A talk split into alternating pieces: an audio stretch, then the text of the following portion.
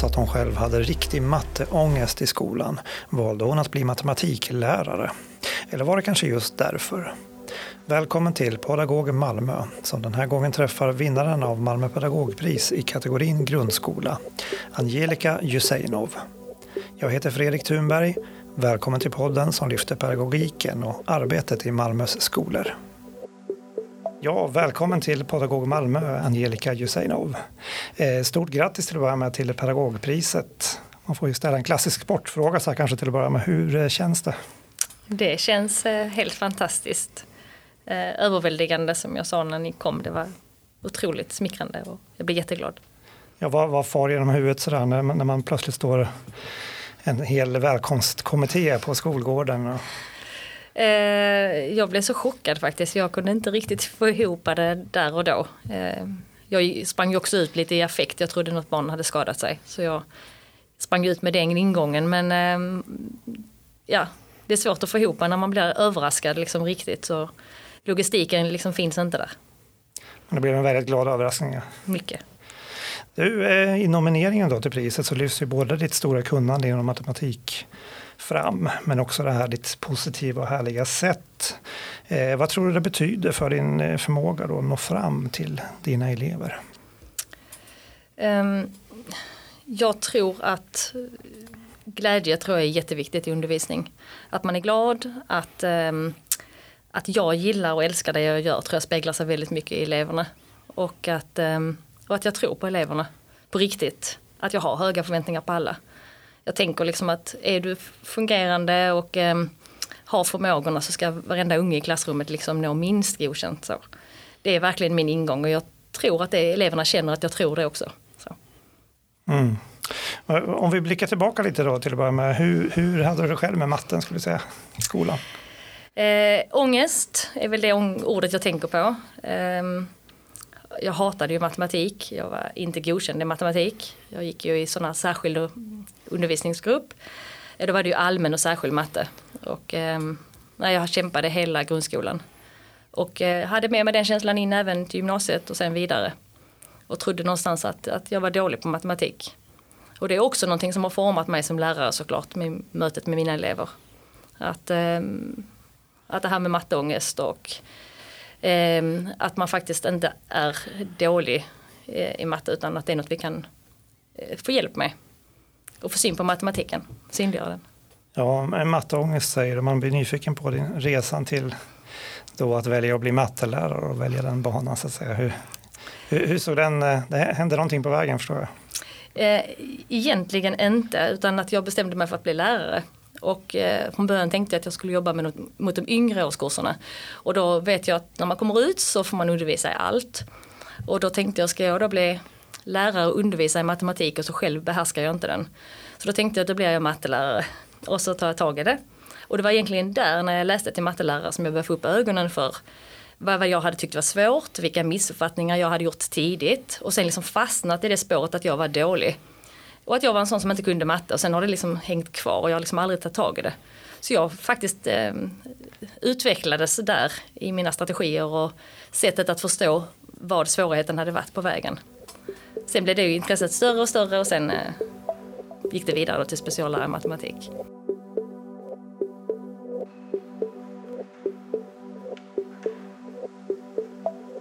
Är det något speciella? Du nämnde att du körde fast. Sådär. Vad var det som liksom, tror du tog emot för egen del med matten?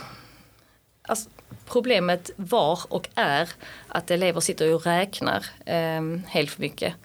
Och man synliggör liksom inte matematiken utan det är för abstrakt. Och jag fick aldrig hjälp med att se matematiken utan att man fick ut sin mattebok, läraren hade en genomgång och sen räknar man. Och sen körde man fast och så körde man fast och så körde man fast och kom liksom aldrig vidare. Och sen började man tänka jag är dålig. Eh, jag är inte en av de som kan matte. Och sen var det inte mycket mer. Sen bara fortsatte man på det spåret och tänkte att hatar matte, vill inte dit, jag kan inte. Så. Mm, det var en ond spiral minst sagt. Ja. Minst sagt, ja. Men eh, se matten säger du. På vilket sätt? Eh? Eh, vi måste hjälpa eleverna att dels jobba mycket mer konkret med laborativt material. Eh, och också hjälpa eleverna att läsa det vi gör. Att inte bara snacka om eh, fyra delat med sex eller vad det nu är för något. Utan vad står de här fyra för? Vad står de här sex för? Att säga, pratar vi äpple så är det fyra äpple tillsammans med sex äpple och så här. Eh, och det hjälper eleverna upp till högstadiet också när vi pratar om x och y och ekvationer. Och, eh, där tänker jag inte minst fick man ju höra att så är det. Regeln är så. Eh, man behöver inte riktigt förstå utan lär dig den. Eh, och så är man lite uppvuxen. Multiplikationstabellen lär dig den. Eh, Tio Tiokompisarna lärde dem. Man synliggjorde liksom aldrig riktigt vad, vad och varför. Vad jag skulle ha det till och liksom det som stod bakom. Så jag tycker att hela vägen upp från F till 9 så är det liksom laborativt man ska vara i. Och läsa matematiken hela tiden. Mm. Eh, måluppfyllelsen då i matematik, om man tänker det är bland de lägsta bland skolämnena i Malmö. Eh, vad skulle du säga, hur hamnar vi här tror du? Varför är eh, måluppfyllelsen så låg just i matte? Alltså jag tror vi har varit här alltid.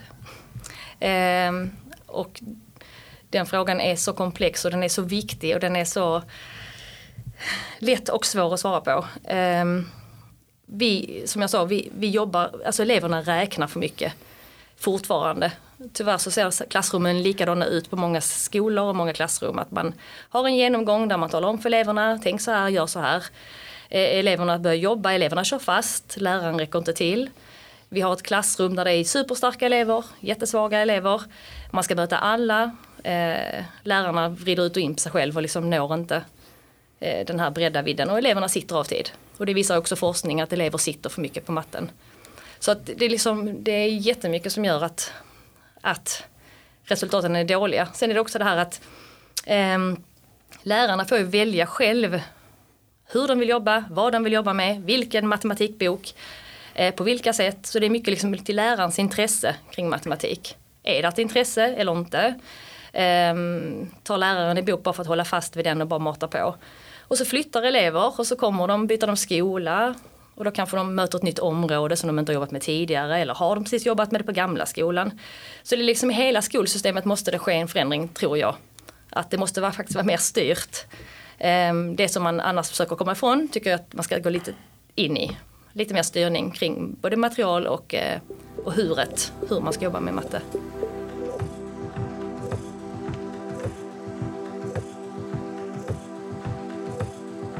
Det är ju som vi varit inne lite grann på få ämnen som väcker så starka känslor som matte. Det är just det du benämner liksom matteångest. Det är inte säkert ofta man har engelska ångest eller svenska ångest kanske. Och sådär. Men vad, är vad tror du det är? Liksom som, men å andra sidan också, det kan ju vara en otrolig källa till glädje också för de som är, gillar matte såklart. Men varför tror du att det väcker så starka känslor? Matematiken är någonstans förknippat med eh, intelligens. Eh, tror jag. jag tror att eh, är man stark i matte då är man liksom smart. Och detta tror jag är en känsla som man har som vuxen också. Att de som är liksom skärpta matematiskt tänker man, ja det är en, liksom en, en smart person. Och jag tror vi förknippar detta, om man hör man eleverna prata så säger de ja men han är så duktig, han är stark på matte. Så matte är något vi förknippar väldigt starkt med intelligens tror jag. Ehm, också är det ju vårt, liksom, ett av våra tre kärnämnen. Men det är ju ännu mer som du säger, det är mycket mer laddat än både svenska och engelska. Och jag tror att det är förknippat med intelligens och att eleverna känner att när man inte behärskar det så har man svårigheter ju, i liksom vardagen. Ehm. Mm. Och den uppfattningen, det här med liksom koppla matte med specifikt så här med intelligens och sådär. Liksom, eh, jag antar att det är någonting som du, den, den bild du försöker ändra på eh, i din undervisning. Vad, hur försöker du bredda liksom bilden av, av matte då? Eh, att det är kul, eh, att alla kan, att det är viktigt och varför. Att man hela tiden förstår varför man gör saker, inte bara att räkna som sagt. Eh, och koppla det liksom till elevernas vardag och till vad man ska använda det till. Så att eleverna förstår hur viktigt det är. Men att då såklart göra det roligt. Jag tänker eh, att eleverna känner sig aktiva, att de känner själva att de utvecklas och eh, kommer framåt och att de ser att när man anstränger sig så ger det resultat i att man förstår och tycker det är kul. Mm. Har du några så exempel på liksom du, du, du, har vunnit över någon till, till, till matten som har varit, liksom, haft det väldigt jobbigt eller har, sagt att men, matt, jag kan ingen matte, liksom, men som har öppnat, öppna dörren liksom, till den här världen? Alltså jag har ju, eftersom jag är speciallärare, som jag jobbade tidigare, hade jag många elever som var, jobbade i små grupper hos mig. Eh, framförallt elever då med matematikångest så där har jag ju, ser jag ju den stora förändringen att många elever som har haft matematikångest eh, är borta. Eh, jag har sagt så många gånger tidigare också att det är inte att alla älskar matematik på vår skola, långt ifrån. Men jag skulle våga påstå att den där ångesten finns inte där. Utan de flesta tycker att matte är okej okay, till att tycka det är jätteroligt. Eh, och de eleverna som är i svårigheter tycker jag säger till mig att ja men detta är jättesvårt, inte jag är dålig. Eh, så jag tycker den, den, den vinsten är enorm hos oss. Just det här att, att någonting är svårt och det är fine, det, saker är svårt och saker får vara svårt och saker, saker ska vara svårt tänker jag innan vi liksom kommer vidare. Eh, till att liksom jag är usel. Det är liksom, det är en jättestor förändring och den ser jag hela tiden bland våra elever. Så, men någon specifik kan jag inte komma på någon enskild elev men, men många, många vinnare hos oss skulle jag säga. Mm. Och på den resan då som många gör liksom från ja, haft väldigt tungt i matte till som du säger att åtminstone liksom kanske få godkänt och liksom ro det här i land. Vad, vad skulle du säga, kan du ge exempel på på vägen? Vad kan du ge för, liksom, hur kan du, vad tror du är det viktigaste sättet du, du, du kan stötta på? Jag ska säga, det är en stor fråga mm. såklart, men kan du säga, säga någonting? Um, jag tror vinsten hos oss är ju hur vi jobbar, vårt synsätt kring matematik och um, på våra lektioner försöker vi ha ett öppet klimat och det tror jag alla lärare försöker och strävar efter. Men vi, vi, vi dömer eleverna mycket genom vårt sätt att berömma. Eh, bra där, bra tänkt, smart, alla de här orden vi kastar oss med. Det gör vi inte alls, det har vi helt reducerat. Och kritiken blir ju ofta den, ja men eleverna behöver den här positiva feedbacken och helst de svaga, de behöver en morot, de behöver en klapp på axeln. Eh, absolut, alla barn mår bra av feedback, alla barn mår bra av positiv liksom, gehör. Men inte där och då är vår tanke utan eh, när jag står framme och berömmer en elev framför gruppen då, jättebra, smart så. Sen kommer nästa elev och räcker upp handen och berättar något och så kanske jag säger mm, bra eller, eller ja titta här. Och så försöker man liksom, men kika här, stämmer verkligen det? Och så, då gör det någonting med den eleven. Eh, och någonting med självkänslan. Så vi har ju sett att det är de starka eleverna som är aktiva på lektionerna som tidigare. Det är de som är aktiva, räcker upp handen, vill svara. Och svaga elever, tysta elever, eh, ja resten av gruppen är rätt passiv där. Men när man då har lite mer neutral och aldrig liksom berömmer i det läget eller säger eh, ja med rätt eller fel eller eh, inga värderingar alls faktiskt så gör det någonting med klassrummet och gör att det blir nyfikna elever och många av våra svagare elever och tysta elever har börjat liksom öppna upp sig. Så att eh, jag tror mycket på det vi har skapat i klassrummet har gjort att fler elever har jag tycker det är kul och vågar, vågar prata och inte bara vågar göra fel utan också vet att det är när vi gör fel som vi utvecklas och eh, vågar liksom stiga ut i det där okända. Så du vet, vi har inte det mindset att men det är bra om man får göra fel utan man måste göra fel. Man måste ut där och prova och, och misslyckas för att komma vidare. Hur har det varit, hur har eleverna upplevt det? Liksom, är de, kan, kan de vara ovana vid det sättet? Eller vad? Ja, eleverna är superovana och från början var det ju katastrof. Alltså de, de söker bekräftelse konstant. Och vi har ju många elever, även bland våra starkare elever, som också hela tiden, stämmer det här, är det här rätt? Som vi hela tiden krävde det av oss. Um, så de blir ju osäkra och det var någon elev som började gråta från början när man sa ja, okej, okay, stämmer verkligen det här?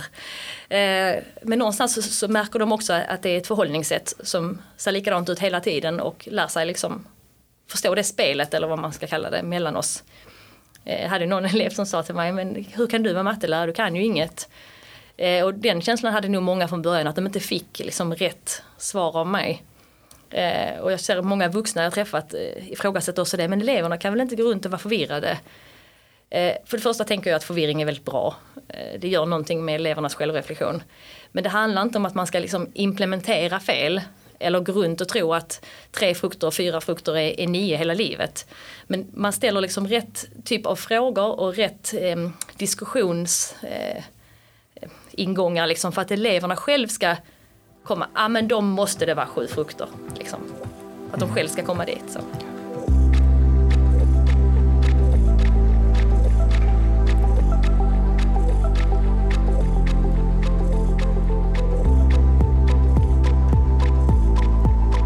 Du, du har ju blivit eh, väldigt förknippad med Singapore-modellen och något av, kan man säga, ansiktet utåt för dig i Malmö. Ehm, men för den oinvigde då, om du ska sammanfatta, vad är Singapore-matte? Ehm, Singapore-modellen är en eh, helt fantastisk modell som vi kom i kontakt med för vad är det nu, sex, sju år sedan kanske på vår skola.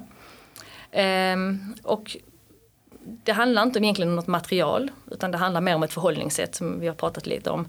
Och tank, grundtanken är att man ska liksom alla lektioner utgår från ett problem.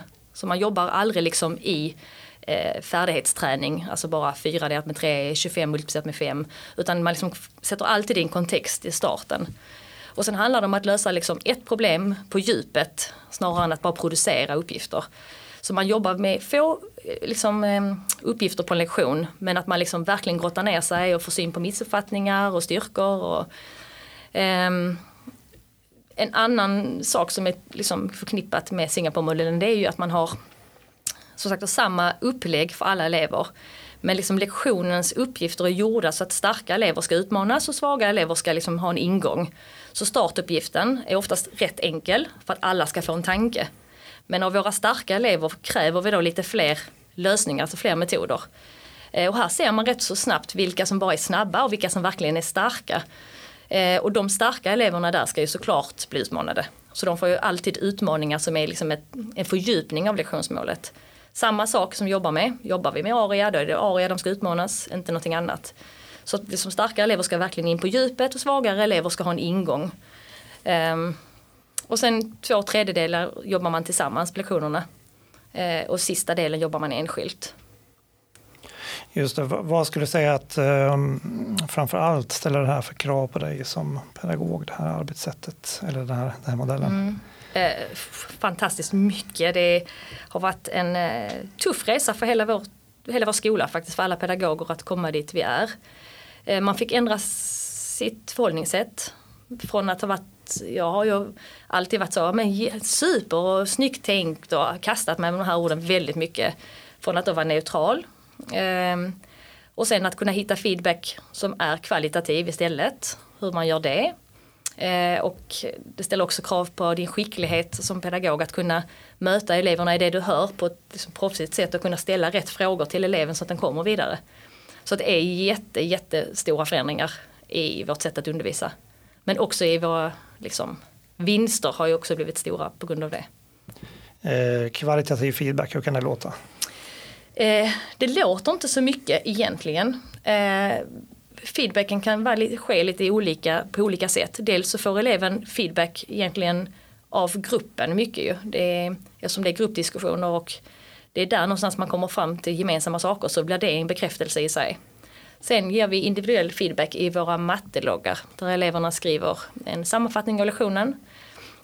Det kan vara en fråga, det kan vara någonting de ska visa till mig. Eh, den ser lite olika ut och där kan man liksom ställa reflekterande frågor eller här ser jag att du har förstått det här, hur skulle du kunna utveckla det? Eller um, här var en tydlig mattelogg, här ser jag precis, här kan jag följa din tankegång eller här, är du, här ser jag inte riktigt hur du har tänkt. Här kan man liksom lägga de här ingångarna och också kanske kasta sig lite med att ja, men snyggt nu ser jag att du har förstått verkligen vad du gör här när du förlänger ett bråk eller vad det nu kan vara. Där ser jag att du visar hur du har tänkt. Och, så där kan man liksom gå in och ge lite ehm, men annars är det inte mycket men ändå upplever jag att mina elever känner att de får mycket mer positiv feedback. Men inte genom ord utan av varandra. Att det blir en styrka i gruppen tror jag.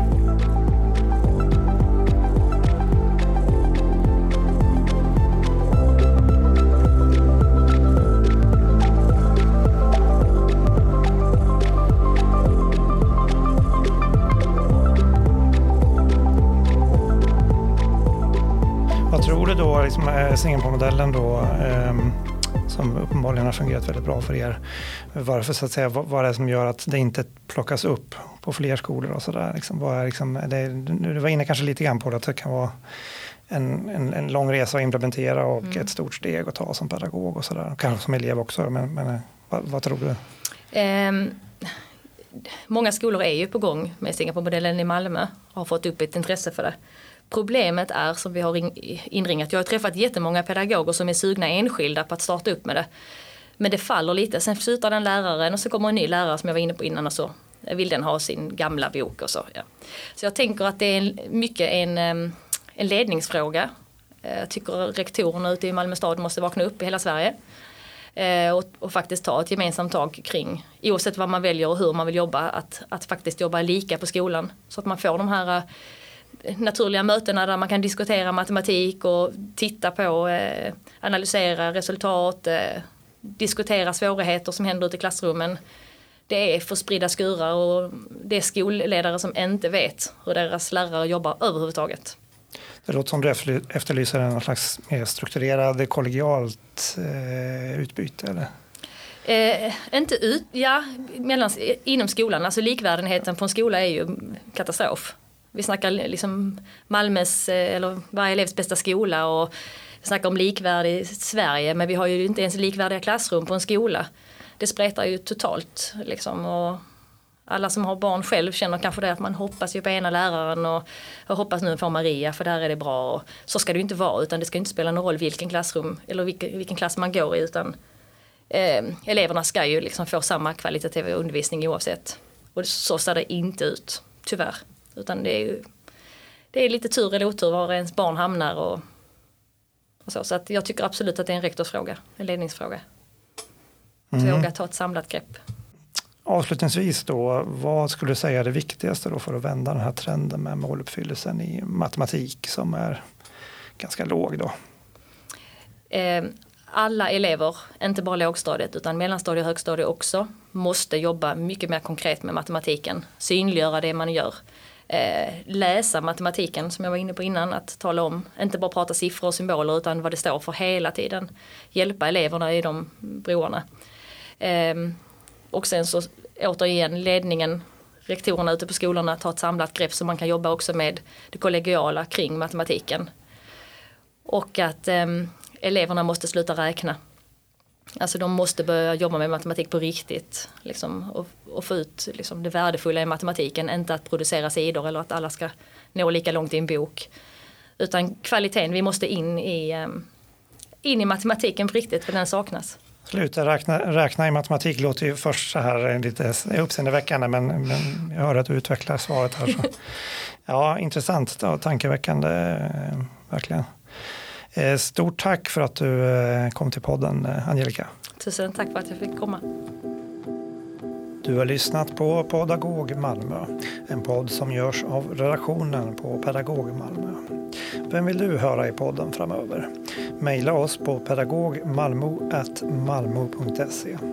Vi finns också på Facebook och där heter vi Pedagog Malmö.